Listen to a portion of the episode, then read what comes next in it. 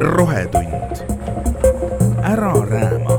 podcasti toob sinuni Eesti pandipakend. tere, olen Rohegeeniuse toimetaja Ivar Soopan ja olen täna Paides Arvamusfestivalil.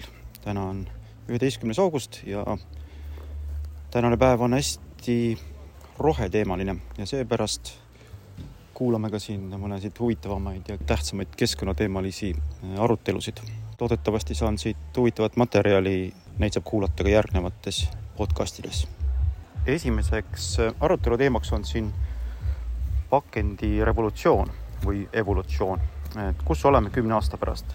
siin hakkavad rääkima pakendite tulevikust HK Scani Baltikumi tootearendus ja turundusdirektor Janne Laik-Lõhmus, Nele Normak, Coca-Cola valitsussuhete ja jätkusuutlikkuse direktor Poolas, Baltikumis, Ungaris, Tšehhis ja Slovakkias ja Rainer Pesti, kes on Ragn-Sellsi äriarendusjuht. samuti äh, osaleb arutelus Sigrid Soomlais, Keskkonnaministeeriumi keskkonnakorralduse osakonna juhataja ja arutelu juht on siin Kristo Elias.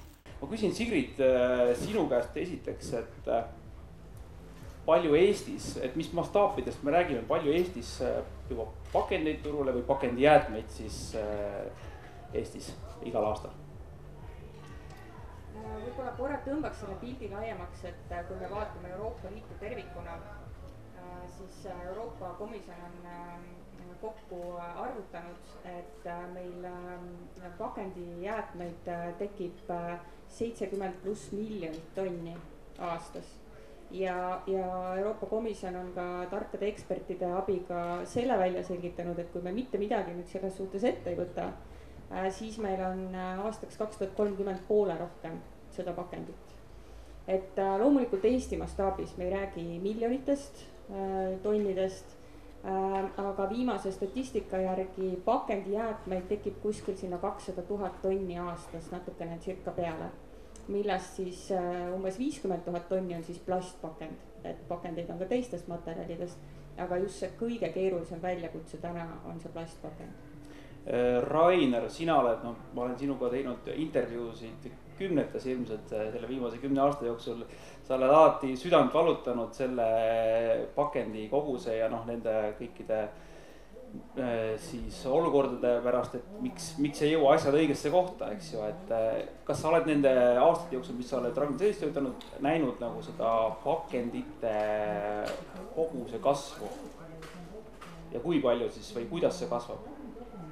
pakendite kogus selgelt kasvab, et äh, tegelikult jäätmekäitluses on üks väga selge ja lihtne korrelatsioon, et äh, jäätmeteke kasvab põhimõtteliselt samas tempos, nagu kasvab üldine majandus. Kui majandus nagu kasvab selline, ütleme viis protsenti, siis samal hetkel kohe nagu jäätmeteke kasvab ka kolm-neli protsenti, et need käivad väga, väga selges ühes rütmis. Mis äh, Eestis on näha, Eestis on loomulikult näha seda, et pakendite mahud kasvavad. Äh, mis Eestis ei kasva, on see, et äh, proportsionaalselt, kui palju nendest pakenditest jõuab uuesti materjalina ringlusesse, et see on kümme aastat püsinud ühe koha peal, see on kogu aeg olnud kolmkümmend protsenti umbes selline suurusjärk. Äh, ja sellega meil tuleb tööd teha nii, nüüd on meil eh, siin ka kaks siis eh, toidu ja joogitööstuse esindajat, kelle pakendeid või kelle tooteid me esiteks kõik igapäevaselt tarbime. ja loomulikult on seal pakendid ju ümber, et, et võtame kõigepealt siis HKScani, et kuidas või milliseid pakendeid kasutab HKScan ja kuidas teie pakendite teekond on ajas muutunud? võib-olla, ma ei tea, viimase kümne, kahekümne aasta jooksul me oleme pakendeid muutnud viimase kahekümne aasta jooksul kindlasti. Me oleme äh, suur plastikasutaja, sest lisaks sellele, et meile on otse loomulikult oluline suurima toidutööstusena, et meie tootmine oleks vastutustundlik ja me kasutaksime häid materjale, siis number üks prioriteet on meil toiduohutus. hetkeseisuga on plastik siiski peamiselt see materjal, mis suudab tagada lihatoodetele toiduohutuse, selle kvaliteedi Äh, sest täiendavad kõik roosuhkrutest materjalid paratamatult seda veel ei suuda. Et me peame arvestama sellega, et me oleme vastutavad ka toidujulgeoleku eest. Äh, meie plasti osakaal hetkel on, äh, on umbes seitsekümmend viis protsenti, millest küll siis rõõmusõnumina siis on siis ütleme siis kogu meie materjalidest circa kümme kuni viisteist protsenti on siis monomaterjalist plastpakend. ja, ja tegelikult kui ma nüüd võtan isegi viie aasta perspektiivi, siis mida me oleme oma pakenditega teinud, siis tegelikult aastal kaks tuhat seitseteist seadsime väga selge eesmärgi vähendada plastikut. ja, ja oleme läbi erinevate testide, meetmete, pakendi uuenduste suutnud teha selliseid uuendusi, et, et me kasutame hetkel aastas kakssada kümme tonni äh, vähem plastikut, kui me tegime seda aastal kaks tuhat seitseteist. Äh, siin hea näide on ka meie viimane Haklia lansseering, millega me tegelikult vähendasime plastikut äh, aastas seitsekümmend üks tonni. lisaks on ta nüüd ka monomaterjalist valmistatud ehk siis ringlusse võetav kui see süsteem meil eksisteeriks ja, ja lisaks sellele siis säilib ka toote head sellised sõmerad omadused. sellest jah, kõigest me suudame veel detailselt äh, edasi rääkida. Äh, no Coca-Colaga ja teie toodetega on ju asi lihtne, vähemalt Eestis tundub, et pandisüsteem töötab, muresid pole. küll mitte igal pool maailmas ei ole see nii lihtne vabandust, Eestis on küll äh, kõik väga hästi, et äh, Coca-Cola tootevalik on siis erinevates materjalides klaas, alumiinium, purk äh, ja plastpudel. alates kahe tuhande viiendast aastast on siis Eestis väga hästi toimiv Eesti pandipakendisüsteem, mis korjab kokku kõik meie pakendid. viimase aasta tulemus nende vahendusel oli kolmsada kakskümmend miljonit joogipakendit mis on kolmkümmend miljonit rohkem kui äh, kaks tuhat kakskümmend üks. ja iga inimene panustas sellesse kakssada viiskümmend neli äh, pakendit on per inimene siis.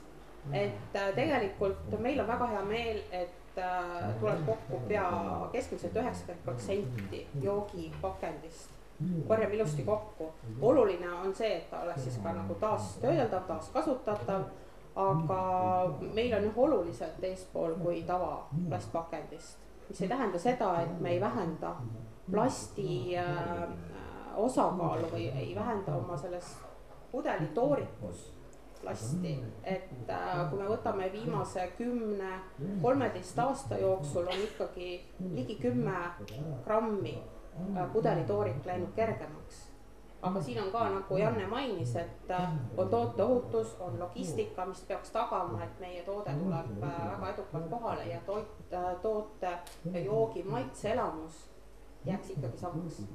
nii, sissejuhatused on tehtud, kõik on korra saanud sõna, noh me saame aru, et toidu- ja joogitööstuses on seda pakendit vaja, no ilma selleta ei saa seda asja sealt poest kätte, no või on mingisugused lahendused, millest me siin tulevikus räägime ka aga ma küsin siis, et, et tõesti, kui see toode nüüd poest ära osta, see tarbijal, millised võimalused on ja kohustused on tarbijal selle pakenditega edasi siis käituda, Sigrid? Ehm, ja kui me vaatame, mm, tuleme nüüd sealt tootja juurest ära, et see toode on juba poelettile, eks ole, jõudnud siis äh, no mida tarbija kangesti tahaks teada, mida ta täna ei tea, äh, ongi see, et, äh, et kas see pakend on ringlusse võetav. see tähendab siis seda, et kas seda saab edasi ümber töödelda nii, et sellest saaks teha uusi tooteid mm, täna meil selliseid märgistusi pakendite peal ei ole ja see kindlasti on üks samm, mis tulevikus tuleb ära teha, et tarbija tegelikult teaks kui ta valib näiteks ka kahe toote vahel, äh, üks on, eks ole, kenasti ringlusse võetavas pakendis, äh, teine on mitte ringlusse võetavas või, või väga raskesti ringlusse võetavas pakendis, et ta oskaks selle valiku teha siis ta läheb koju, tarbib selle toote ära, eks ole. siis ta peab selle pakendi viskama õigesse kohta, me kutsume seda liigiti kogumiseks. et biojäätmed tuleb eraldi koguda, pakendijäätmed tuleb eraldi koguda Äh, vanapaber eraldi, eks ole, ja nii edasi kodumajapidamises. et äh, tarbija selle liigutuse peab siis kodus ära tegema korrektselt.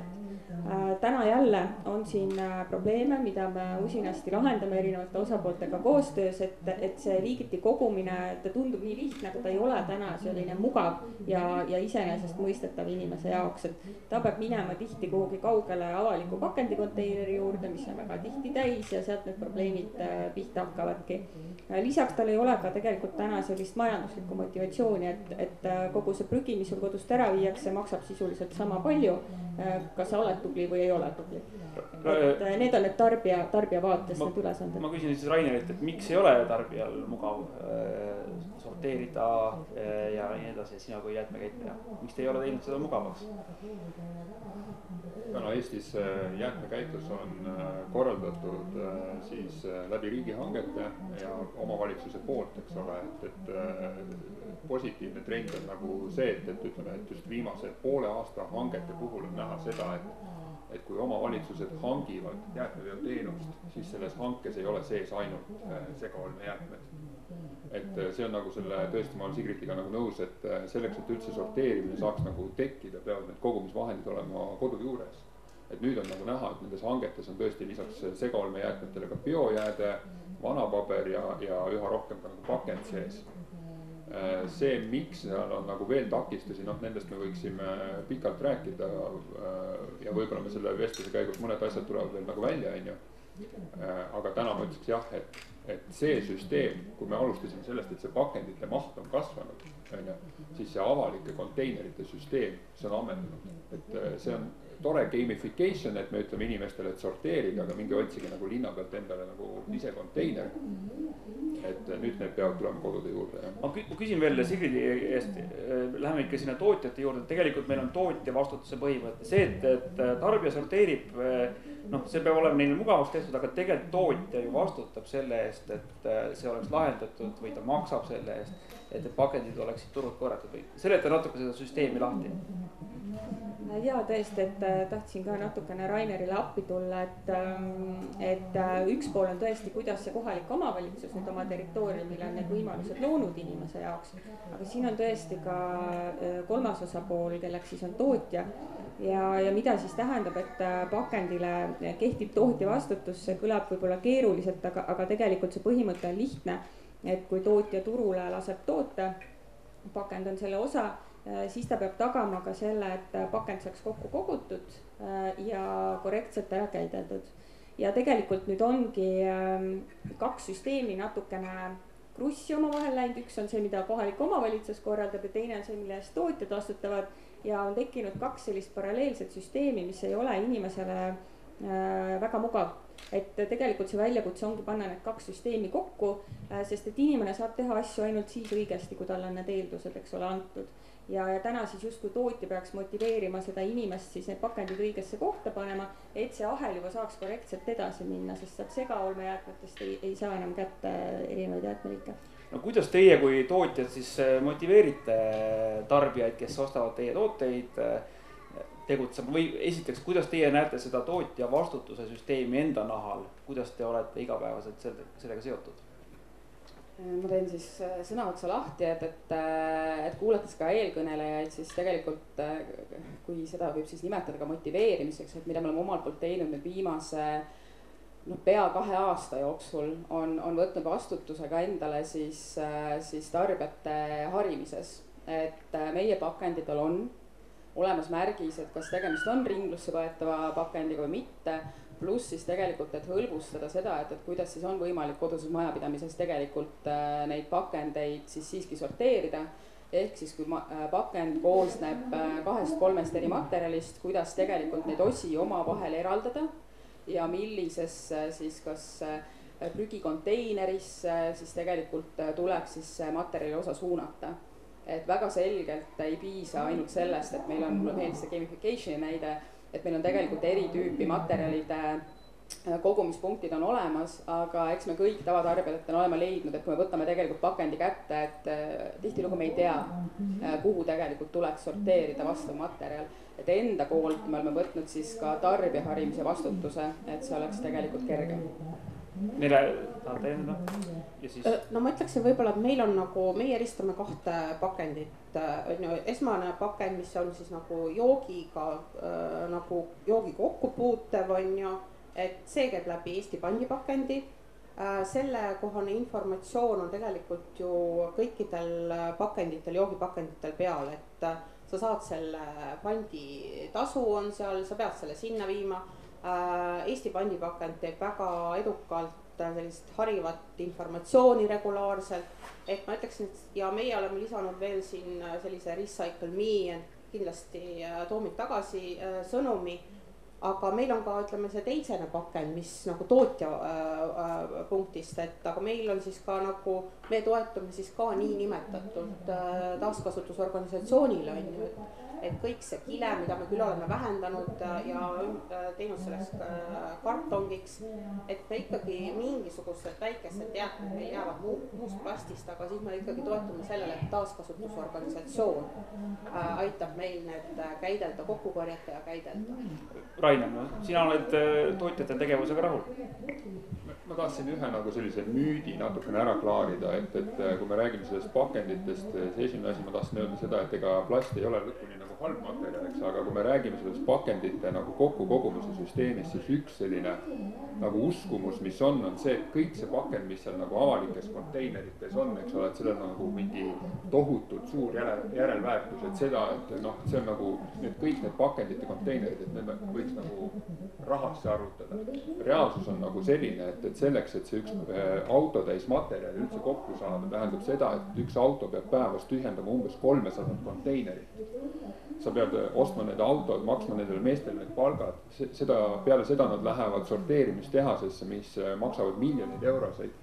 siis sa pead need pakendid kõik materjalide kaupa üksteisest äh, eraldama ja siis sul on sellest pakendivoost äh, ütleme üks kolmandik selliseid materjale, millel on tõesti äh, turu peal positiivne väärtus.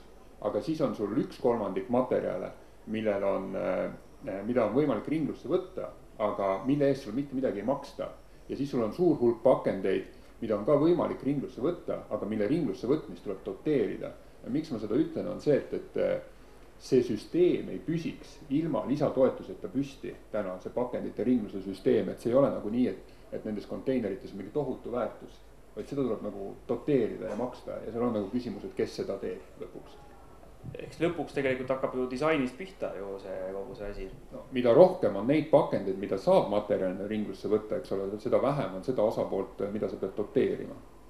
no kuidas, võtame siis selle HKScani uh, uue pakendi, võta see endale kätte äkki, Janne, et et, et kuidas selle disainimine üldse nagu, mille alusel seda nüüd on tehtud, seda uut ja mis ta, miks ta parem on kui äh, Äh, eelmine pakend ja kas Rainerile ka meeldib? no ma ei tea, seda peab Rainer ütlema, kuidas talle see pakend meeldib. aga kõigepealt räägi, räägi ära, et miks, miks selline ähm,?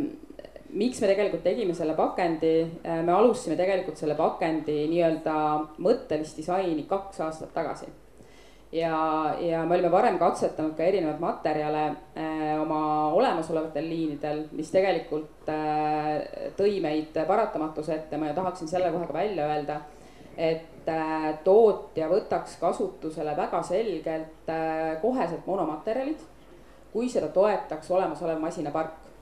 Mis tähendas seda, et tegelikult selle pakendi muudatusega tuli meil välja vahetada hakkliha tootmisliin siin on siin paar näidet veel, ehk siis äh, tegelikult äh, disaini, disain ja uue pakkematerjali valik, mis oleks ringlusse võetav, tõi tegelikult meile eelmise aasta lõpus kaasa investeeringu üle kahe miljoni euro. selle materjali puhul me tegelikult olemasoleva karbi tootega võrreldes vähendasime esiteks plastikut seitsekümmend viis protsenti ja nagu ma enne mainisin ka, plastiku vähendamine on olnud üks meie prioriteete, aga selliselt, et toidu ohutus oleks säilinud Äh, teiseks siis ja tegemist on siis monoplastmaterjaliga, mis on siis sada protsenti ringlusse võetav. täps-, täpsustan ka, et loodetavasti mitte taaskäideldav, vaid kindlasti ringlusse võetav. ja miks meil tegelikult, vaata üks on ka toote disain, aga me andsime ka endale lubaduse, et alati, kui me võtame kasutusele keskkonnasõbralikku materjali, siis lisaks sellele, et toode säiliks hästi, siis peab tegelikult tema sisu olema sama kvaliteetne, kui ta oli eelmises pakendis ja see on ka põhjus, miks tegelikult ka selle pakendi otsimisega veidikene aega läks, et me peaks panema seda vaakumisse. nüüd sa võid öelda, kas sulle see pakend meeldib? ma küsin ka, et noh, et esimene asi, see monomaterjal, et see, et, et on äh, paber, kile, mingid asjad üksteise peal, et see, see asi peaks olema nagu möödanik, Rainer äh, miks teiega segatud kuidagi? jah, see on hästi oluline täpsustus, eks, et äh, et üks asi on see, et see materjal on nagu mono, et see annab selle võimaluse, et, et äh, me saame selle pakendi tõesti materjalina uuesti saata ringlusesse, et ta saab uuesti materjalina uue elu. aga tegelikult sellest nagu ringlusest suunamisest on üks asi ju veel tähtsam ja see on nagu vältimine, on ju et, et loomulikult ma olen nõus sellega, et on, see nõuab tegelikult tohutut investeeringuid, et tootmised saaksid enda nii-öelda pakendite liine ja kõiki asju nagu ringi disainida. Aga kui ma lähen täna poodi reaalselt, eks, ja ma olen keskmisest nagu vastutustundlikum tarbija ja mis mind tohutult segab, on see, et ma vaatan kaubagruppide kaupa on seda, et enamus tooted on pakendatud kolmkümmend kuni viiskümmend protsenti eh, rohkem. loobumine ei tähenda seda, et ma ei osta vaid loobumine tähendab ka seda, et kas ma saan mingisugust pakendi eh, mahtu vähendada, sest kui sa suudad pakendi mahtu viia vastavaks selle sees oleva kauba kogusega ja suurusega, eks ole, et see on mingis mõttes nagu veel eh, siis kasumlikum või kasulikum keskkonnale, et sa oled nagu suutnud vältida seda. kas see on nagu, peab olema tootjate nagu enda äh, nii-öelda vastutus ise, ise mõelda, et noh, tarbijad võib-olla äh, tahavad või peaks riik ka vahele astuma, et äh, ei tohi nii palju üle pakendada, Sigrid?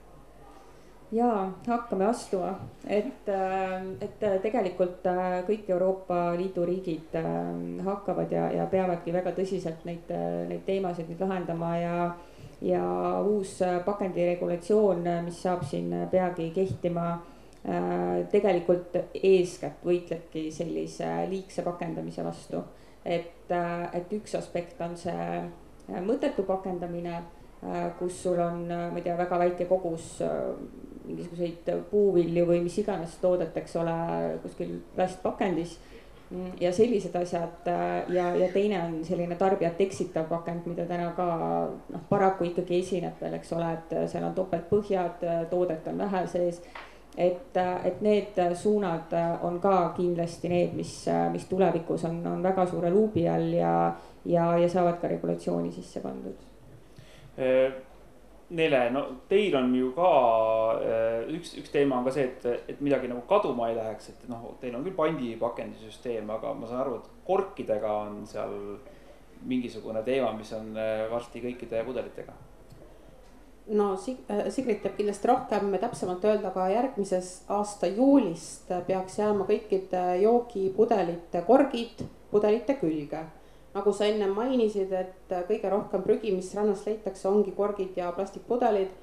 et äh, see peaks nüüd hakkama väikest viisi seda probleemi kuidagi lahendama, et kork jääb pudeli külge et ma ei tea, kas me siin näitlikku õppetundi teeme. no sa, Janne näitas oma siin äh, pakendit, miks sa ei või näidata?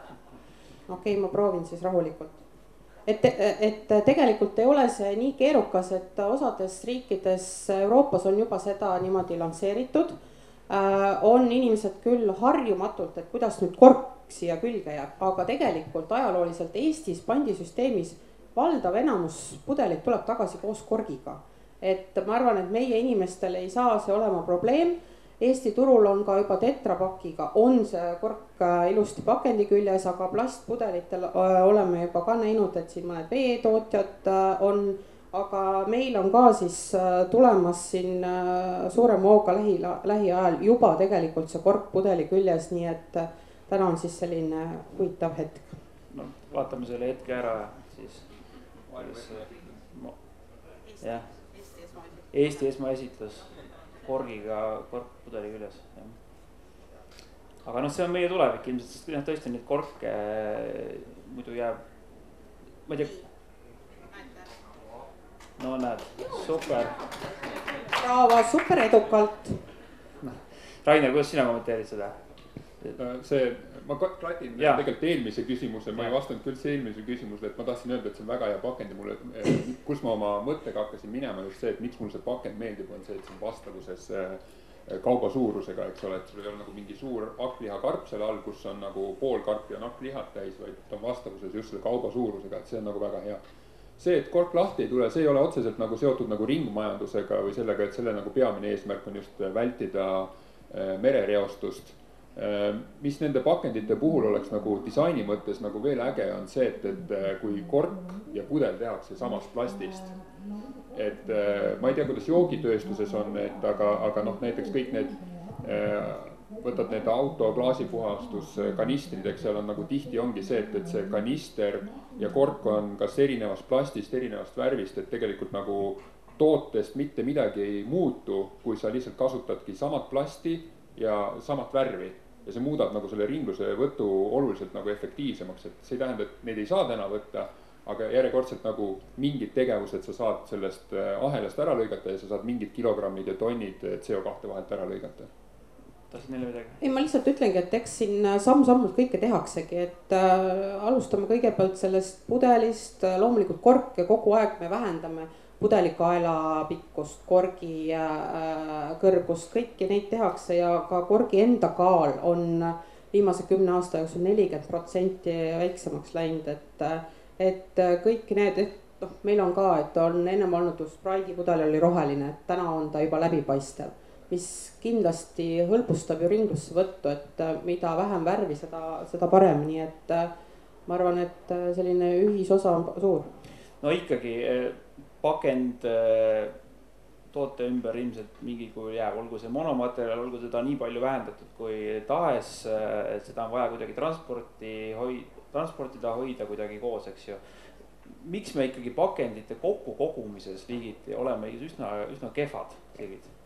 või oleme me kehvad, kõigepealt kinnita seda fakti ja me kahjuks oleme küll kehvad, kui me räägime olmejäätmetest tervikuna ja pakendijäätmed on, on see, see osa ja, ja seda näitab meie sortimisuuring, et, et iga nelja aasta tagant me siis vaatame üle, mida inimesed ära viskavad ja, ja millest see olmeprügi nii-öelda koosneb ja sellest kolmandik on pakend. Mm, kui vaadata siis segaolmejäätmeid ja selle pakendi me peame kõik siis sealt segaolmest saama välja, et sellega siis saaks edasi midagi teha miks see nii on, see on selline miljoni dollari või euro küsimus, et seal on hästi palju nüansse, et ühe, ühe asja ma tõin juba enne välja või asjaolu, et, et täna meil on jäätmete kogumisel mitu paralleelset süsteemi et ühte korraldab siis omavalitsus, teist siis pakendijäätmete puhul korraldab tootjad läbi taaskasutusorganisatsioonide. Mm, inimeste teadlikkusel põgusalt siin äh, peatusime, eks ole, et, äh, et kui ta selle pakendiga seal siis kodus on, eks ole, siis ta jääb hätta, et kuhu midagi panna. Äh, siis, et ähm, muud praktilised probleemid, et neid probleeme on hästi palju. aga kas ei ole niimoodi, et me hakkame varsti trahvi maksma juba siin mõne aasta pärast, kui me ei suurenda neid kogumise määrasid? tõsi on, et, et kui me räägime nüüd olmejäätmetest tervikuna, et, et see, mis tekib just kodumajapidamistes ja ettevõtetes tekivad sarnased jäätmed. Et, et seal me oleme kokku lepitud eesmärkidest kaugel ja võib tõesti nii olla, et aastal kaks tuhat kakskümmend viis siis selgub tõsiasi, et me ei ole piisavalt ringlusse võtnud Mm, mis puudutab nüüd pakendijäätmeid äh, eraldi segmendina, siis äh, nende ringlussevõtu määraga on praegu, kui me vaatame neid seatud eesmärke äh, päris hästi äh,. seal on ka mitmeid põhjuseid, äh, miks see täna meil on hästi, aga aastal kaks tuhat kakskümmend viis äh, ei pruugi olla. Ja probleem on ikkagi tegelikult see, see nii-öelda tarbijaga koju jõudev pakend ehk müügipakend, ütleme selle kohta, et et selle kokkukogumises me peame veel pingutusi tegema ja, ja need muudatused äh, peavadki seisnema selles, et äh, see peab inimestele tulema lähemale. Äh, sellega me hetkel väga tõsiselt tegeleme. ja, ja selle aasta jooksul kindlasti ka veel hakkame täpsemalt arutama eelnõude kontekstis juba, kuidas seda korraldada ja, ja majanduslik motivatsioon samamoodi, et, et kuna segaolmejäätmetega edasi teha suurt peale ladestamise ja energia eesmärgil põletamise ei ole, siis nende hulk peab drastiliselt vähenema. ja, ja selle arvelt saab siis kõike muud ringlusse võtta ja see siis peab olema tegelikult, segaolmejäätmed peavad olema kallimad kui, kui pakendi või, või biojäätmed ja nende äravedu peab siis maksma oluliselt rohkem. et need on need asjad, millega me saame siis tarbijat motiveerida no Rainer ilmselt on nende asjadega nõus, aga ikkagi okei okay,, kogume rohkem kokku, kas me oskame, suudame nende kokku kogutud asjadega midagi teha? pakenditega. see on äh, meie suur motivatsioon, et me ise väga sellesse usume, eks ole, et täna me investeerime väga palju sorteerimistehnoloogiatesse kuni nagu robotiteni välja nagu eh, infrapuna tuvastusteni, et, et eh, erinevaid plastiliike üksteisest paremini nagu tuvastada.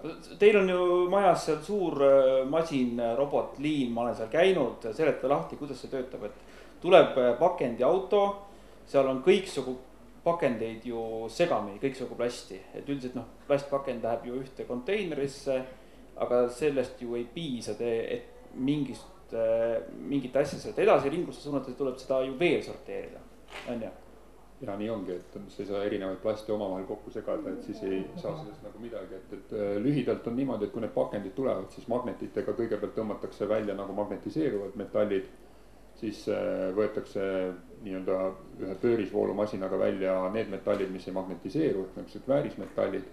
ja siis nad lähevad äh, IR seadmesse, siis äh, infrapuna tuvastusseadmesse, plastid siis käivad sealt nagu kolm korda läbi, et iga robot suudab tuvastada kahte plasti umbes ja, ja meil on siis äh, kolm sellist robotit, et äh, ja siis me suudame kuut, kuut erinevat plasti välja sorteerida tänu robotitele, jah. ja kas sellest kõigest plastist äh, saab midagi teha või enamus läheb lõpuks kõik need, ei, et kõik need igasugused monomaterjalid, kõik asjad lähevad täna ikkagi kohe otse nagu mehaanilisse ümbertöötlemisse, ehk nad purustatakse, helvestatakse, granuleeritakse ja sealt edasi lähevadki uute toodete valmistamisele ja nüüd on, mis, mis on nagu uus väga suur trend, on siis see, et, et äh, maailmas on endiselt väga suur väljakutse nende komposiitplastidega. Kas siis nagu tehnoloogilises mõttes kogu see nagu toiduhügieeni mõte, et, et meil on nagu väga suuri nagu väljakutseid, et isegi tänase tehnoloogilise võimekuse juures maailmas endiselt umbes viisteist protsenti sellest plastist, mis turul lastakse, suunatakse ringlusesse. meil tohutu suur hulk komposiiti ja siis see komposiidi puhul täna me töötame nende, nende lahendustega, et kuidas see siis nagu keemiliselt ümber töödelda. lammutada laiali ja võtta uuesti ringlusesse. plastil ja plastil on vahe äh, millised plastid nüüd ütleme, selline HK Scani ja Coca-Cola näitel on äh, kasutatavad siis kuidagi paremates toodetes või kuidas sa, mis on kvaliteetne plast ja mis on vähem kvaliteetne plast?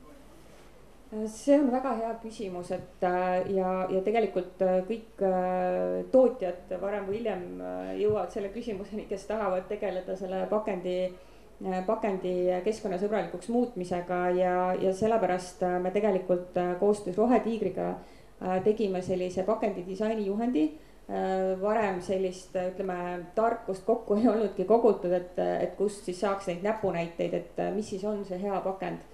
Ja, ja seal on äh, tegelikult näiteid äh, erinevatest pakenditest, pildimaterjali erinevatest riikidest, äh, mis turul on, mida vältida, mis näiteks kasvõi sellel samal sorteerimisliinil, ähm, mida Rainer kirjeldas, et, et mis seal ei tööta või, või mida see liin, eks ole, ära ei tunne.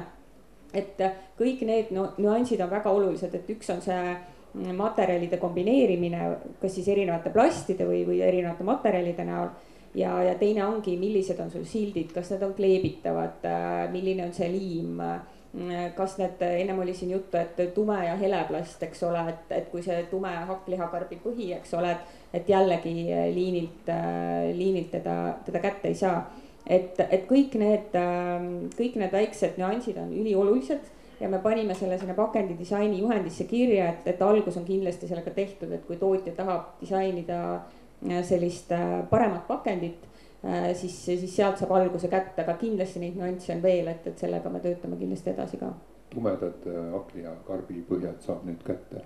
Seal on vahest, roboti jaoks on see error, põnev error on roboti jaoks lihtsalt vahest, et see karp on väga noh, seda saab ringlusesse võtta ja need karbid saab kätte. mis seda robotit eksitab vahest, on see kile siin peal ja kui see infrapunakiir tabab seda peamist kilet siin see on teisest materjalist ja siis ta arvab, et see on komposiit ja sellepärast ta nagu eraldab nagu valesse silosse.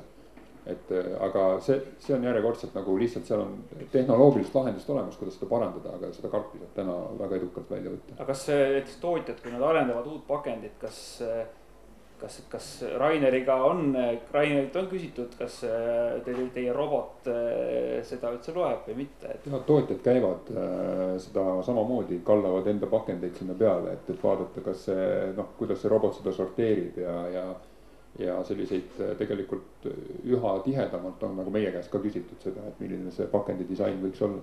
kas teie tootjatena teate, mis teie pakenditest üldse edasi saab? ja ikka teame. mis saab siis? noh, selles mõttes me teame seda, et, et mis saab meie komposiitplastist edasi. on taaskäideldav materjal, küll, küll liigub küll korstnasse et aga nüüd, mida ennem tegelikult ka sai mainitud, et äh, põhjus, miks me võtame kasutusele aina rohkem monomaterjale, on see, et me teame, et, et seda saab uuesti ringlusesse suunata.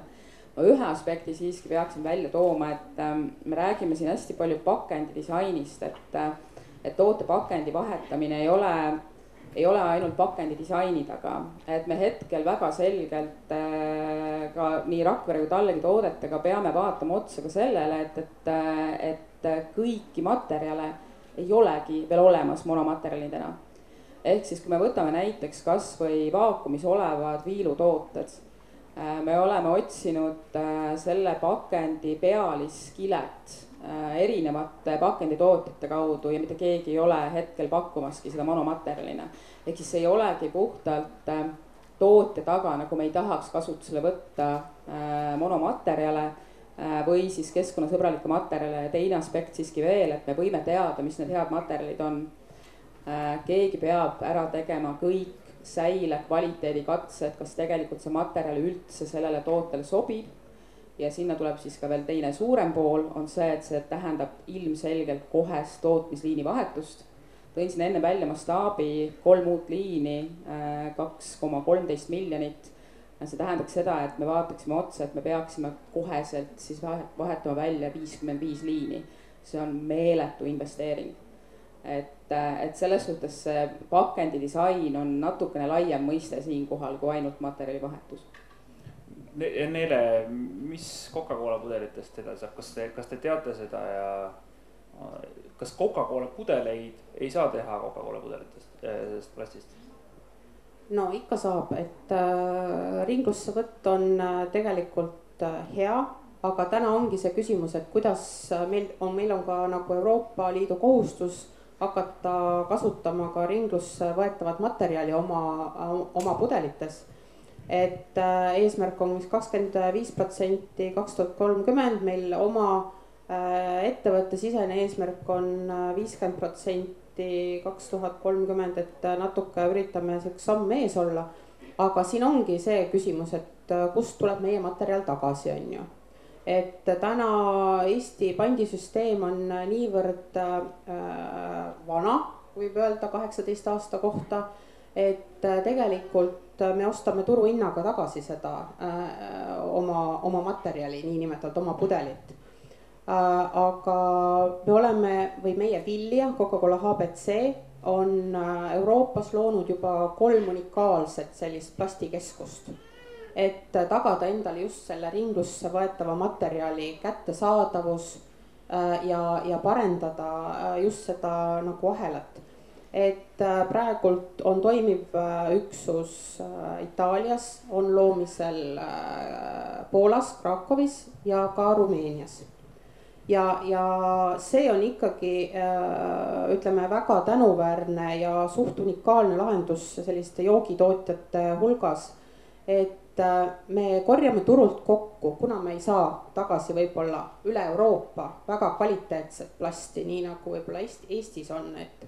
Et äh, siis me korjame kokku vähem kvaliteetset. me puhastame seda mehaaniliselt ja keemiliselt ja toodame sellest helbed. ja see läheb uuesti tootmiseks, et me toodame uue pudelitooriku ma saan aru, et igal pool toidutööstuses noh, üks on see, et ei ole seda monomaterjali, et esiteks toodet teha igast, iga, iga asja jaoks. aga toidu jaoks iga taaskäideldud või ümbertöödeldud plast enam ei sobi ka, on ju niimoodi? aga no ma, ma lihtsalt lisan, et näiteks need kolm üksust ongi see, et see toorik, mis seal tuleb, et ta ongi selle kvaliteeditasemega, et ta peab vastama mm. selle toiduhügieeni nõuetele.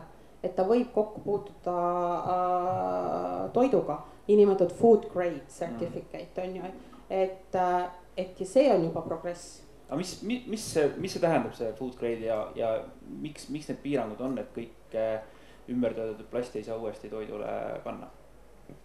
Äh, see puhtalt eestiliku toidu ohutuse mõttes, et äh, kui ma räägin puhtalt värske lihasektorist, et siis paratamatult on meil piirangud, et me ei saaks kasutusele võtta taas siis ringlusesse võetud materjali, siin PET-materjali puhul on see veidikene kergem polüpropüleen ja kõik muu, et, et nad ei ole lihtsalt vastavad nii-öelda siis toiduohutuse mõttes siis nendele kvaliteedinõuetele ja see on paratamatus et PET-materjal ei ole põhimaterjal, mida siiski hetkel ka meie oma tööstuses ka kasutame.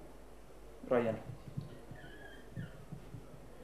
jah, Coca-Cola või ütleme, PET-pudelites jah, peab seaduse järgi äh, minu meelest ei ole see aasta kaks tuhat kolmkümmend, see on oluliselt äh, ligemal kaks, just kakskümmend viis aasta juba kakskümmend viis protsenti ja see on tegelikult nagu väga hea näide sellest, kuidas äh, äh seadusandluse nii-öelda tõukega äh, siis äh, Äh, mingit käitumist muudetakse, et äh, see materjal jõuab sinna. aga üks oluline asi nagu nende materjalide ringluste puhul on see, et, et äh, väga palju kogu selles ringmajanduse kontseptsioonis on see, et see tänane ringmajandus, mis meil nagu Euroopas on, see põhineb mingitel ülimalt aegunud seadustel.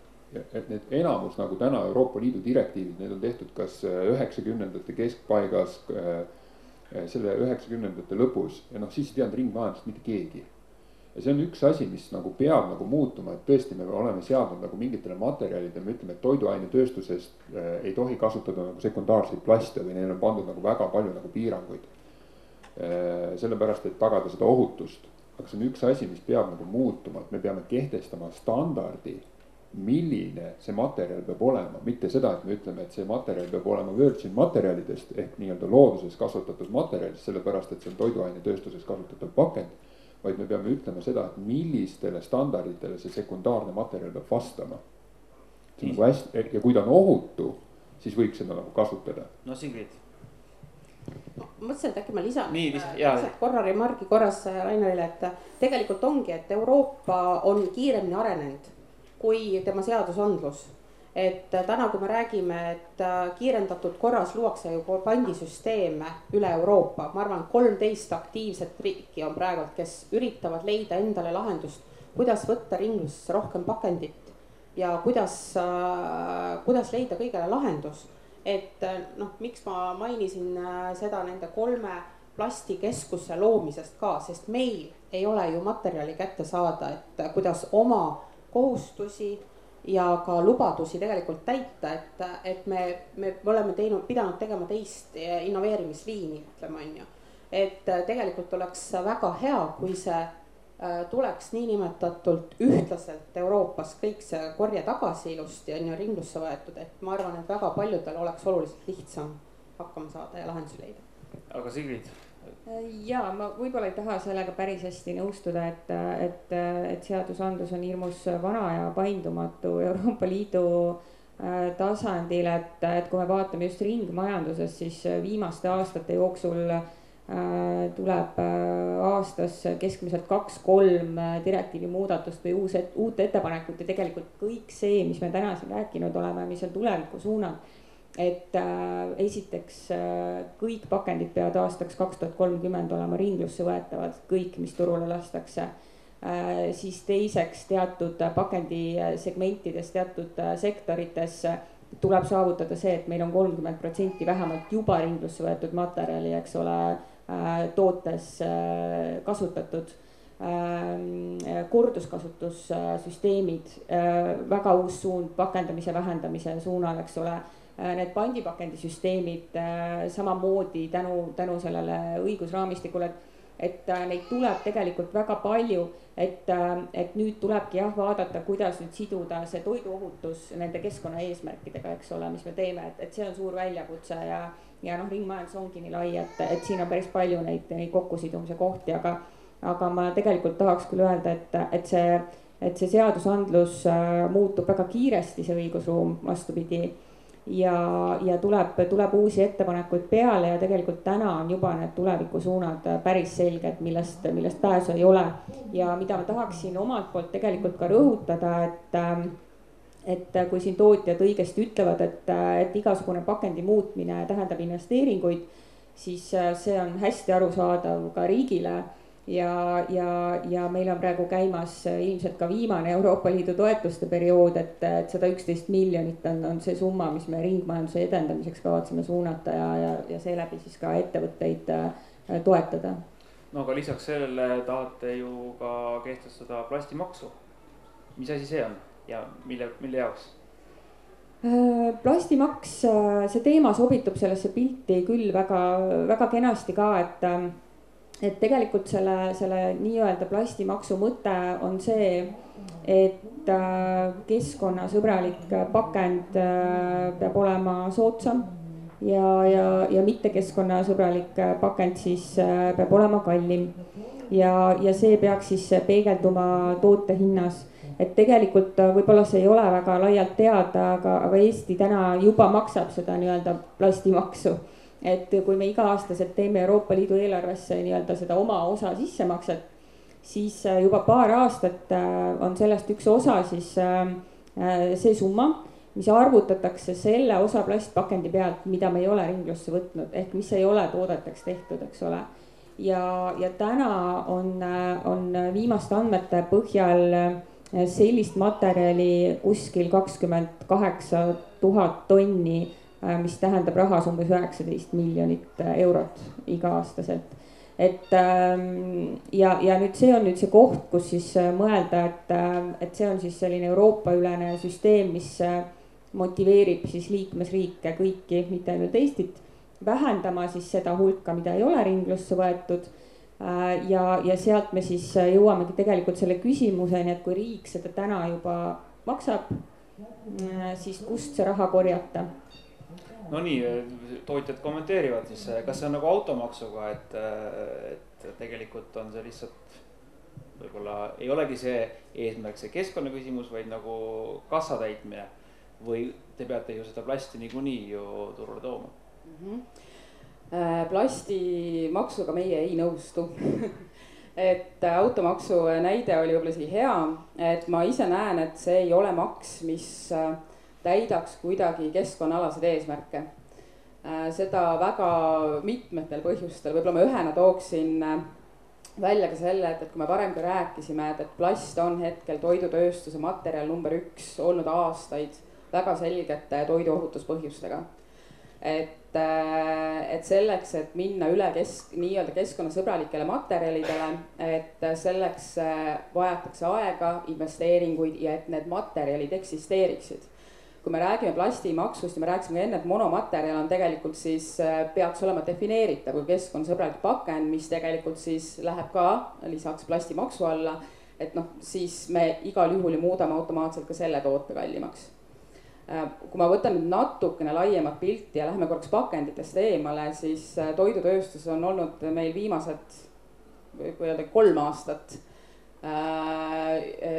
üpris pinevad juba ainuüksi seetõttu, et seoses erinevate kriisidega, ütleme siis hübriidkriisi ajastul on inimeste ostuvõime äh, muutunud äh, väga selgelt hinnatundlikuks. ja, ja, ja selles mõttes kodumaise tootjana me tegelikult nägime väga selgelt, et, et, et inimesed hakkasid liikuma rohkem odavamate importtoodete peale, kus, kus siis võib-olla kuidas ma ütlen Äh, mis, mis nagu paratamatult ei mõju lõpuks ka Eesti majandusele hästi, kui me nüüd räägime seda, et me hakkame veel spetsiaalselt maksustama äh, Eesti toidutootjaid plastimaksuga, siis tegelikult me nõrgendame sellega meie konkurentsivõimet siin Eesti turul väga selgelt. ma näen seda väga suure murekohana. Ma küsin, ma küsin veel nendelt ka, et äh, kommentaari selle plastimaksu osas, noh, teie Coca-Cola maailma tuntuim bränd ilmselt, te teate, kuidas mujal maailmas on kas mujal maksate plastimaksu ja mis te Eesti plastimaksust arvate? Äh, Euroopas on meil äh, minu arust kaks riiki, kus on ametlikult plastimaks juurutatud. aga no pigem ikkagi eeldatakse seda, et äh, meie korjame oma pakendi kokku läbi pandisüsteemi. et see, mis me ütleme, investeerime selle süsteemi toimimisse selle süsteemi efektiivselt äh, hoidmisesse. et äh, ma arvan, et see peakski olema üks viis, kuidas äh, tagada samas on ju meil ka olemas pakendiaktsiis, et kui siin tekib plastimaks, siis võib-olla peaks nagu kuidagi looma selgust, millist funktsiooni mingi maks täidab. et ma saan aru näiteks, et kui meil on ka sellised plasttopsid praegu, millele me ei ole nagu leidnud äh, super head alternatiivi, mida nagu kinodes inimesed äh, kindlasti näevad. et äh, ma saan aru, et see läheks näiteks plastimaksu alla. aga siis ma mõtlengi, et kui meil ei ole neid toimivaid piisava mahuga alternatiive. Et äh, kas me peaksime siis seda maksustama ja millist elementi me sellest niinimetatud mittetegemisest me siis maksustaksime, on ju, et mis, mis on siis selline Äh, võib-olla käitumuslik asi, mis, äh, mida võib-olla võiks maksustada, mis siis motiveeriks.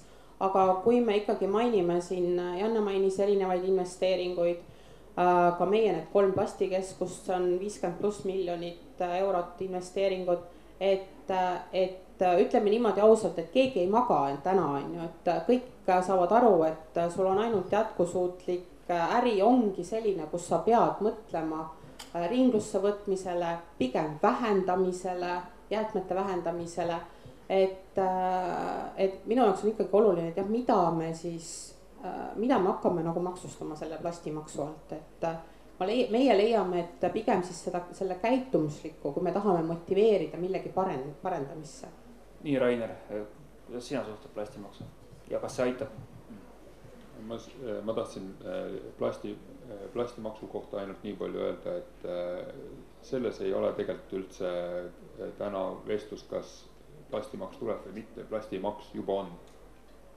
Äh, riikidel on olnud lihtsalt võimalus valida, kes selle plastimaksu maksab, kas selle plastimaks makstakse riigikassast nii-öelda ühiselt nagu kõik maksumaksjad solidaarselt maksavad selle ära, nii nagu on läinud Eesti või see plastimaks äh, siis osades riikides on nii, et see on äh, delegeeritud tootjatele ja, aga see plastimaks äh, on, on juba ja, ja. ja ütleme niimoodi, et see plastimaks oli tegelikult sellise ülemineku ajaga, et kuna see tuli nii ootamatult üliennaktempos ja siis tegelikult riigid otsustasidki, väga paljud riigid otsustasid, et kuna nad ei tea seda mehaanikat, kuidas seda kokku korjata tegelikult äh, riigist, seda plastimaksu, siis nad maksavad, et äh, väga mitmetes riikides ongi selline kolme-nelja aastane üleminekuaeg, et tegelikult otsitaksegi seda mudelit või vorm, sellist retsepti ja valemit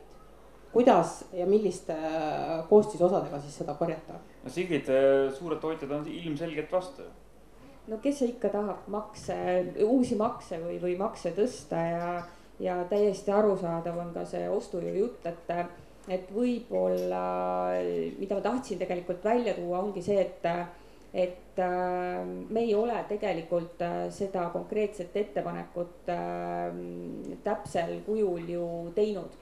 Et tegelikult see debatt täna siin praegu on selle märksõna üle, ilmselgelt on sellel tegelikult äh, Äh, keskkonna vaates äh, vajadus ja eesmärk ja mõju ja, ja noh, näiteks Hispaania, Itaalia, Ühendkuningriigid, kes küll enam Euroopa Liidus ei, ei ole, eks ole.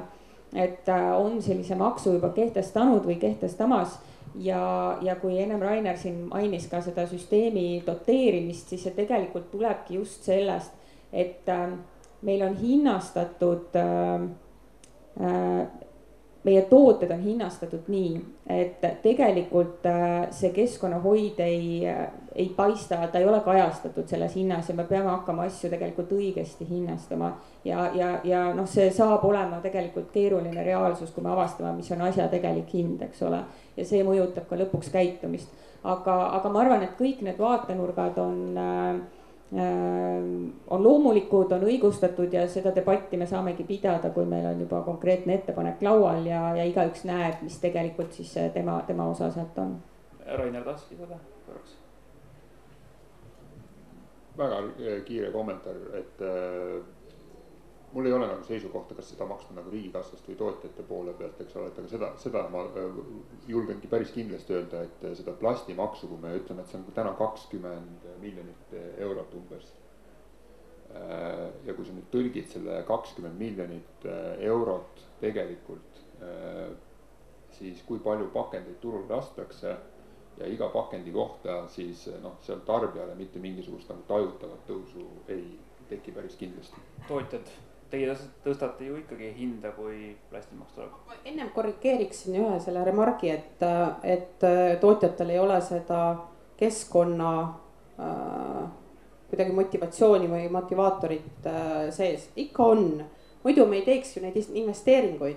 et Janne mainis siin erinevaid investeeringuid, meie teeme jätkuvalt kogu aeg investeeringuid, seesama see plastikeskused, see viiskümmend pluss miljonit, see on investeering. see ongi ju keskkonna suunitlusega, et see ongi see, et sa oleksid äh, tulevikus jätkusuutlik selles keskkonnas. et, äh, et need on nagu püsivad investeeringud, et see keskkonna aspekt täna ei tehta ühtegi äri, kus sul ei ole jätkusuutlikkust ja keskkonda silmas, et no kus me siis seda äri aastate pärast teeme. Coca-Cola on äh, üle saja kolmekümne kuue aasta vana, no ilmselgelt tahaksime teist sama otsa otsa panna, aga kus me siis seda äri teeme, kui me täna ei teeks neid investeeringuid ja ei oleks jätkusuutlik, et äh, väga ilmne. Janne, no kui tuleb plastimaks konkreetne, teie küsite selle ikkagi tarbija käest, mitte ei võta oma kasumi arvelt? Äh, ma arvan, et äh, nii ja naa, et äh, lihtsalt selle plastimaksu puhul ma tooksin juurde selle aspekti, et äh, see kindlasti ei ole motivaator, ma mõtlen just suurtööstuse poole pealt äh, hakata kuidagi järsku kiiremini pakendeid muutma äh,. väga hästi just öeldud ka, et me juba teeme seda. me oleme tegelikult äh, teinud neid muudatusi aastast kaks tuhat seitseteist, aga suurtööstus, nende muudatuste sisseviimine on väga ajamahukas ja väga ressursimahukas aga mis puudutab, äh, kas siis tegelikult see maks lõpuks läheb toote lõpphinda, muidugi läheb esiteks, noh, ma toon võib-olla praktilised näited ka välja, et, et noh, kui praegu olenevalt siis tootest tegelikult äh, pakendi osakaal toote hinnast noh, kõigub selline kaheksa kuni kolmekümne protsendi ulatuses ja, ja pidevalt on küsitud, et, et, et miks tegelikult äh, pakenditasu on nii suur toote kohta. Kui me võtame näiteks monomaterjale, siis versus komposiitplastik, monomaterjali hind on äh, üldjoontes kilogrammi kohta kümme kuni kakskümmend protsenti kõrgem, juba automaatselt äh, kõrgem hind, siis me lisame sinna veel plastikmaksu. et mina tunnen siiralt äh, muret äh, eestimaise toodangu konkurentsis püsimise üle, kui tegelikult noh, paratamatult, mida rohkem tuleb kas makse, kallimaid materjale juurde, paratamatult on monomaterjalid, ka muud alternatiivmaterjalid, kui neid üldse eksisteerib, nad on kallimad, sest neid on kallim ka toota ja loomulikult see läheb ju toote omahinda, mil määral tegelikult see jõuab lõpuks äh, letihinnani, mingil määral ta kindlasti jõuab, et, äh, et noh, vastasel juhul ei püsiks ka äriettevõtted ise elus. Ühe remargi korras veel ütlen, et äh, kui me vaatame siin pandeemia aega, kui meil tekkis alumiiniumi piiratud kättesaadavus ja kõik need asjad, ega hinnad on ju kõik tõusnud, on ju, et et äh, ja meie ikkagi ka korjame siis hoopis teistsugust plasti kokku äh, omale sinna nendesse plasti töötlemiskeskustesse selleks, et vastata nendele nõuetele, mis on meile pandud ja meie enda eesmärkidele. et kõik see lõpuks jah, kahjuks äh, teatud piiranguga jõuab ikkagi toot-, tarbija hindasidele ja tarbija taskusse nii, me oleme kuskil tund aega siin äh, niimoodi rääkinud omavahel ja lisame siis äh, meie publiku äkki ka siia, et äh, viimane pool tundi on meil aega. on teil küsimusi? meil on mikrofon, sest me kuuleme ilusti ka neid, kes on Facebook Live'is, meid kuuleb ju terve Eestimaa, tuuakse mikrofon kätte, palun. aitäh. tervist, Imre Treufeld. küsimus, et ma arvan, et see oleks Jannele ja ja, ja Nelele. et kuidas tegelikult vähendada üldse ka pakendite kasutust. kas saab nii teha, et, et olekski vähem pakendeid äh,? saab, muidugi saab ähm,. võime tagasi minna koostöös jaekettidega mõnekümne aasta tagusesse aega ja, ja suurendada lahtise leti toodangut.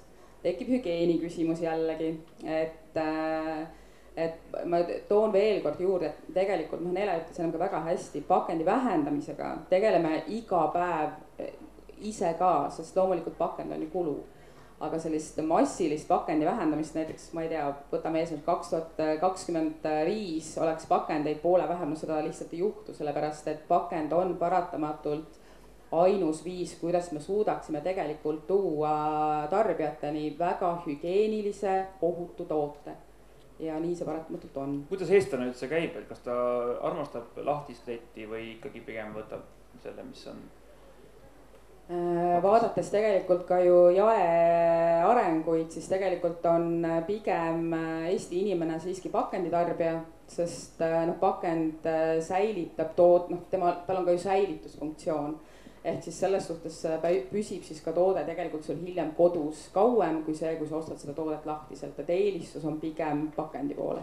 kas Coca-Cola tooteid või üldse karastusjooke või saaks kuidagi teha niimoodi, et äh, pakendit polegi vaja või inimene võtab oma pakendi? see on super hea küsimus ja ma arvan, et selle kohta võiks teha täitsa eraldi äh, arutelu äh, ja, ja debateerida ja, ja siin mõtteid õhku visata, ideid õhku visata.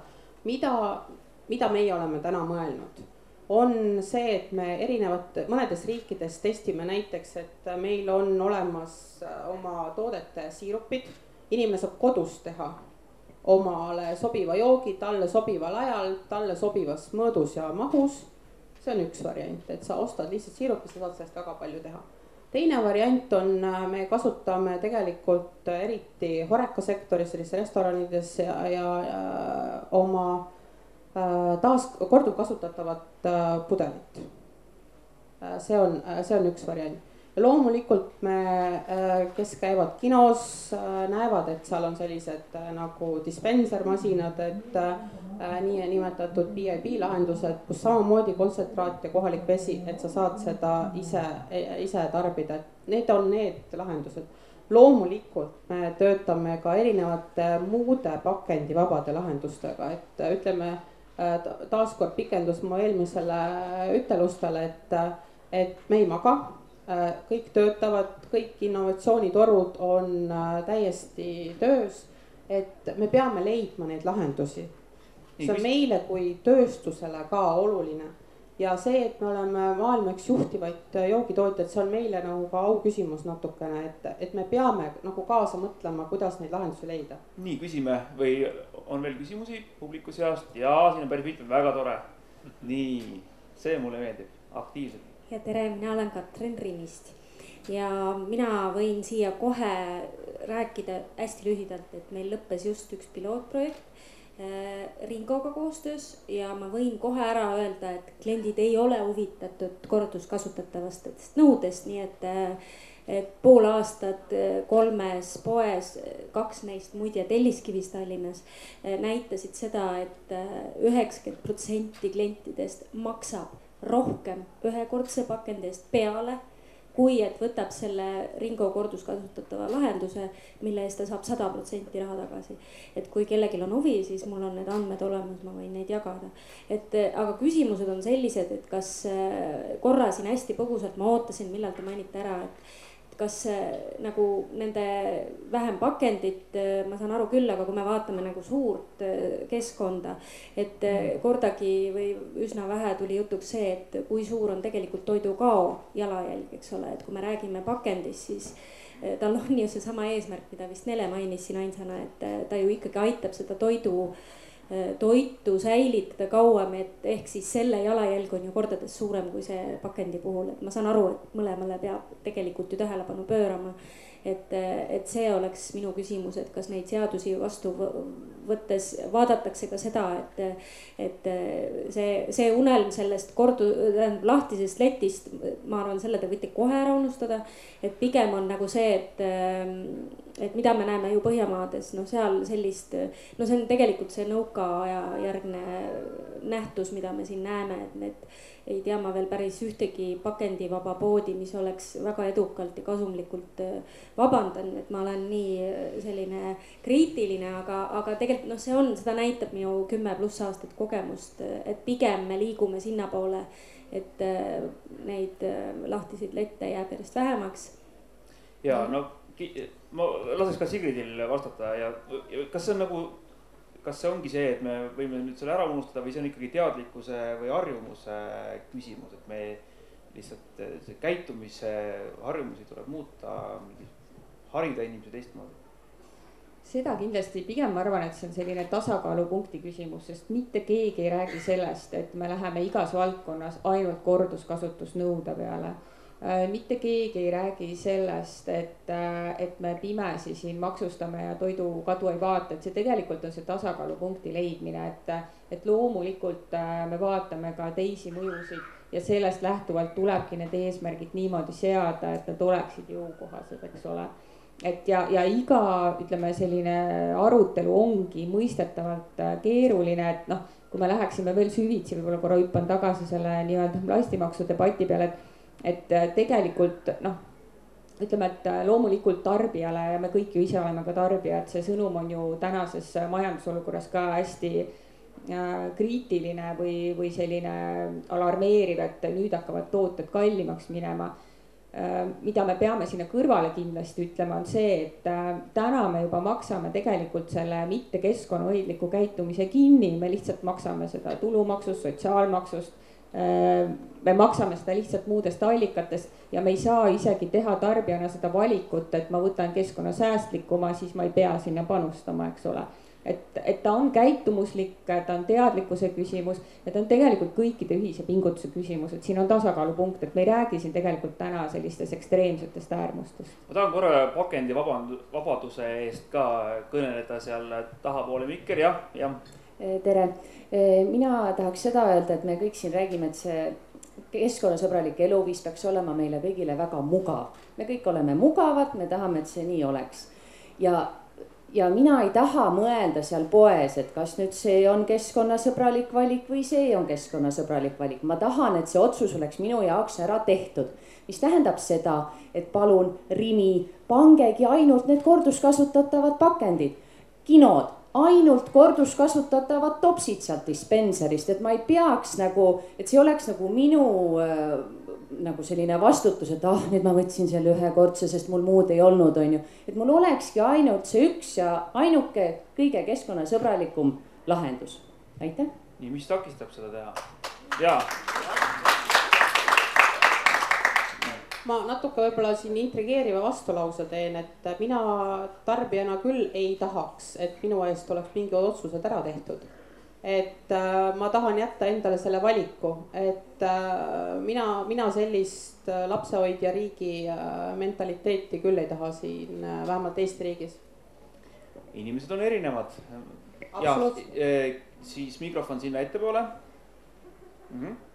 ja tere tarbija seisukohast üks arvamus, mis läheb võib-olla selle eelneva jutuga hästi kooskõlla, et et kui me mõtleme sellele kasvõi selles samas pakendite valdkonnas, kuidas muutused, ühiskondlik muutus ja hoiak äh, muutub, siis tagasi vaadates tundub, et see on toimunud tegelikult kiiresti, näiteks kümme aastat tagasi, kui me mõtleme, milline oli meie pandipakend, siis täna mina julgen väita, et äh, pudeli viimine pandipakendisse on prestiiži küsimus. mul on ebamugav, kui ma seda ei tee samamoodi mul on ebamugav kodus prügikasti juures, kui ma ei vii pakendit kollasesse kotti, sest et noh, tundub liiga ebamugav seda puhtaks saada. et, äh, et kas, milline see teadlikkus või see tegelikult see ühiskonna ootuse muutus võiks olla ja kuna see tuleb, sest et me tegelikult, ma kujutan ette, et tootjad väga täpselt jälgivad, võib-olla täna on, ütleme, see liha koostis või maitse natukene seal üleval pool selles äh, mõõdikutes, mida siis tarbija eelistuste osas vaadatakse, aga kindlasti kuskil on ka see keskkonnasäästlik ja säästlik põhimõte, mida noh, tuli korduvalt ju jutus välja. et, et seda järgitakse, see on oluline, aga kas te ka jälgite ja teate, et milline siis selle tarbija tänane eelistus on, kuidas see võiks muutuda, sest et äh, noh, mina olen nelikümmend, aga ma ei tea, kuidas mõtleb see, kes on täna viisteist, kakskümmend ja see muutus võib tulla väga kiiresti. ehk et üks hetk ta mitte ei taha, et riik teeks selle valiku, vaid et ta poes võtabki selle, sest et ta teab, et see on keskkonnateadlik valik. aitäh. nii, kes vastab, kas tootja või, või Sigrid hoopis vastab, et äh...? Sigrid, võin te alustada kas viieteistaastased no, on kõik iseenesest äh, juba sorteerivad mm.? no siin kõlas tegelikult minu meelest pigem küsimus tootjatele, et mida nad vaatavad, kui nad oma tooteid arendavad, eks ole, aga, aga kui ma juba ministeeriumi poolt räägin, siis loomulikult me näeme sellist ühiskondlikku muutust, kui me räägime ringmajandusest tervikuna see ongi tegelikult ju majanduse arengu lahtisidumine sellisest esmase toorme kasutamisest, eks ole. ja, ja, ja siin ei aita tegelikult ainult regulatsioonid, vaid, vaid see ühiskondlik norm peab olema selline, et me tarbime teisiti, me mõtleme teisiti. Ja noh, see, et me täna läheneme sellele üksikute muudatuste kaudu, ongi, eks ole, noh, paratamatus ja ka normaalne aga ma näen kindlasti, et, et meie ühiskond on päris kiiresti sealmaal, et, et keskkonnahoidlik käitumine ongi prestiiži küsimus ja, ja siin ei olegi nagu, nagu teist juttu. no Rainer, tahtsingi Raineri juurde jõuda, et sinu jaoks on see nagu igapäevane ja ei olegi prestiiži küsimus, vaid see lihtsalt ongi sinu elu. kas sa näed neid äh, pakendiautosid vaadates, et see on mingisugune prestiiži küsimus praegu? või pigem äh,? kogenud ajakirjanikuna sa tead, et, et tähtis ei ole mitte see, mida küsitakse, vaid mida saab vastata. õige, vasta. et, et kaheksakümnendate alguses Euroopa Liit hakkas kasutama siis kriitiliste toorainete materjalide tabelit, põhimõtteliselt on see Mendelejevi tabel ja kui nad hakkasid seda tabelit äh, kasutusele võtma, selle tabeli eesmärk on see, et märkida ära, millised toorained Euroopa Liidu jaoks äh, nii ühiskonna toimimise, tööstuse toimimise, majanduse toimimise mõttes on äh, siis muutumas kriitiliseks.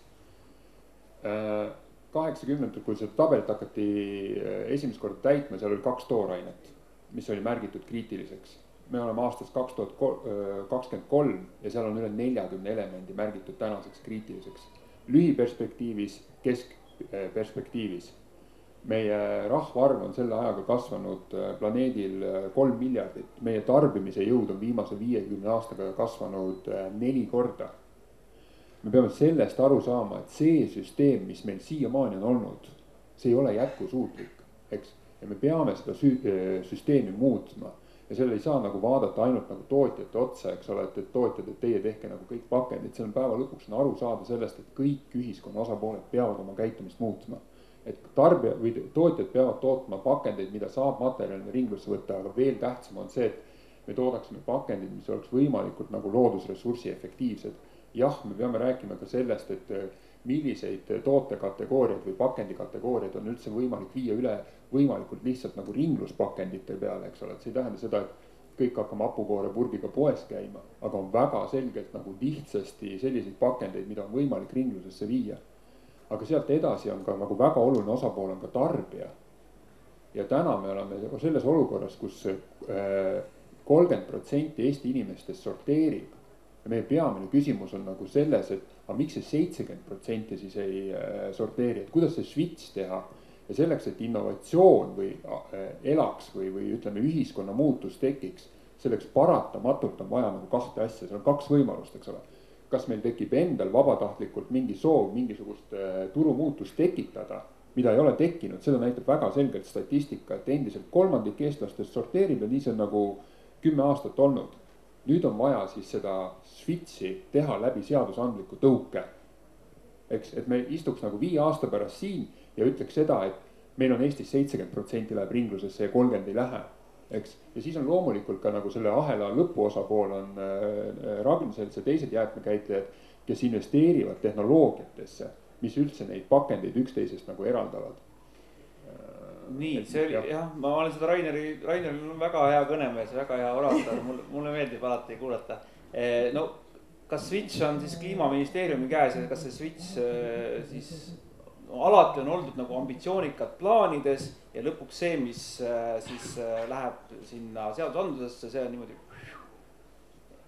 ei no. midagi erilist no ma ei ütleks, et, et ei midagi erilist, et meil on ikkagi olnud siin ütleme viimase paari aasta jooksul äh, väga palju olulisi muudatusi, mis me oleme võtnud seadusandlusesse ja, ja palju ootab ees.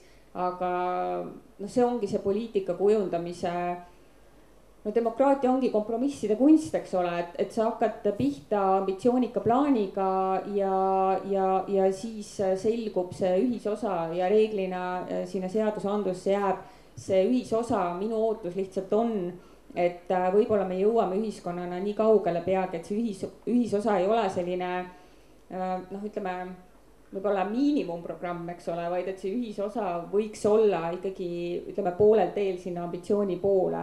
Aga noh, kui me räägimegi siin äh, viimase aasta muudatustest, äh, äh, noh, biojäätmete tekkekohalt kogumise kohustus, võtame näiteks korduskasutusnõude kasutamine avalikul ürit-, avalikel üritustel, teatud ühekordsete plasttoodete turule laskmise keelamine, asendamine, et, et kõik need tegevused on tegelikult siin viimaste aastate jooksul, need sammud on tehtud, eks ole ja, ja palju on meil tegelikult ees ka, et, et ma ei ütleks, et, et me oleme nüüd mitte midagi teinud, aga noh, me peame tegelema kindlasti selle liigiti kogumisega, et, et see on nüüd see, kus, kus me peame nagu selle, selle switch'i ära tegema. Ja, ja see on niisugune ühendatud anumate süsteem et mis siit hästi tulebki arutelust välja, et ongi palju osapooli, et inimene ütleb, et aga mida ma sorteerin, kui see läheb Irusse või prügimäele. Äh, tootja ütleb, et aga mida ma arendan, kui inimene viskab selle segaolmesse, et noh, ta, ta natukene niimoodi käib ja, ja ongi palju osapooli ja, ja raske seda lahendust leida, aga, aga ma olen väga optimistlik, et me selle leiame. ma tahan kiire, et Nii. see, et me nüüd neid seaduseid muut-, muutsime, eks ole, et, et see, mida me nagu näeme, ongi see, et see, et me neid muutsime, on nagu väga-väga hea, et see, mida me näeme kahe-kolme aasta pärast, on see, et kogu see biojäätmete nii-öelda ringluse protsent ja see läheb nagu äh, väga kiiresti nagu üles, et selleks lihtsalt oligi vaja nagu mingid otsused ära teha ja see on super, et me oleme riigina need teinud. tahan veel küsimusi võtta, aga tootjad tahavad ka vahepeal rääkida, et äh, teie repliigid ka. ma tahtsin tegelikult vastata, et kui, kas me teame, kuivõrd oluline on tegelikult keskkonna aspekt ostuotsuste tegemisel hetkel klientide seas. see ei ole top viies, et, et kui ma, kui ma võtan puhtalt loomulikult enda kategooriad, lihatööstust, et siis äh, number üks on vaieldamatult, oli, on ja on jäänud viimased viis aastat, see on liha värskus. teisel kohal on kodumaisus, kui me võtame äh, nüüd veel viimased, viimase aasta, siis on väga selgelt üles hüpanud hind. ehk siis, mis on ka meie kohustus, on see, et loomulikult anda värsket toodet võimalikult soodsa hinnaga. ja tihtilugu me teemegi seda siis enda arvelt küll aga, mis puudutab siis näiteks ütleme viilutooteid, maitse number üks, noh, paratamatult toorest hakkliha puhul ei ole maitse number üks, seal on teised aspektid, aga keskkonnaalast või tööd ja selle tähtsust kindlasti ei tasu alahinnata, sest viimasel viimases Nielseni uuringus tuli ka välja, et viimase kahe aasta jooksul on tegelikult inimesed hakanud tervist ja keskkonnahoidu tunduvalt rohkem tähtsustama. kui aga küsiti miks on keskkonnaalased äh, nagu, miks on, miks on see keskkonnahoid nii tähtis? number üks vastus oli, sest sellest, sellest räägitakse nii palju. aga kas teate, miks? ei. ehk siis selles mõttes seal on vaja väga selgelt teha veel väga palju teavitustööd. aga täna, homme, ülehomme tahan ma minna poodi, olla võimeline ostma toitu ehk siis, et mul oleks ka toidulaual midagi igapäevaselt ja samal ajal loomulikult, äh, mis sai ka varem tegelikult mainitud, iga endast lugupidav ettevõte on kohustatud hetkel tegema oma tootmist võimalikult keskkonnasäästlikult. samal ajal võtan siin ka, vist juba lahkus sõna kinni, tegelema sellega, et, et ka toidu raiskamine väheneks, mis on ju teine aspekt seal kõrval. jälle keskkonnasõbralikumad materjalid, toote hind ja teate, vahest on isegi see, et selleks, et kesk, ütleme nii, et toidu raiskamist vähendada, mis on ka meile väga oluline, on vaja viia näiteks toit väiksematesse pakenditesse, mis äh, suurendab jällegi plastiku osakaalu. aga lihtsalt selleks, et meil oleks ju väga lihtne panna kõik oma tooted, ma ei tea, viiesaja, viiesaja grammised singipakid jube hea, vähe plastikut, palju toodet. mis juhtub, teame, võtame piilupaki lahti, kes ei teadnud, koheselt hakkab protsess, et neljakümne kaheksa tunni pärast ei ole tegelikult see toode enam sama värske kas ma jõuan ära süüa kahe päevaga pool kilo sinki. Kui kõht on tühi, siis võib-olla küll.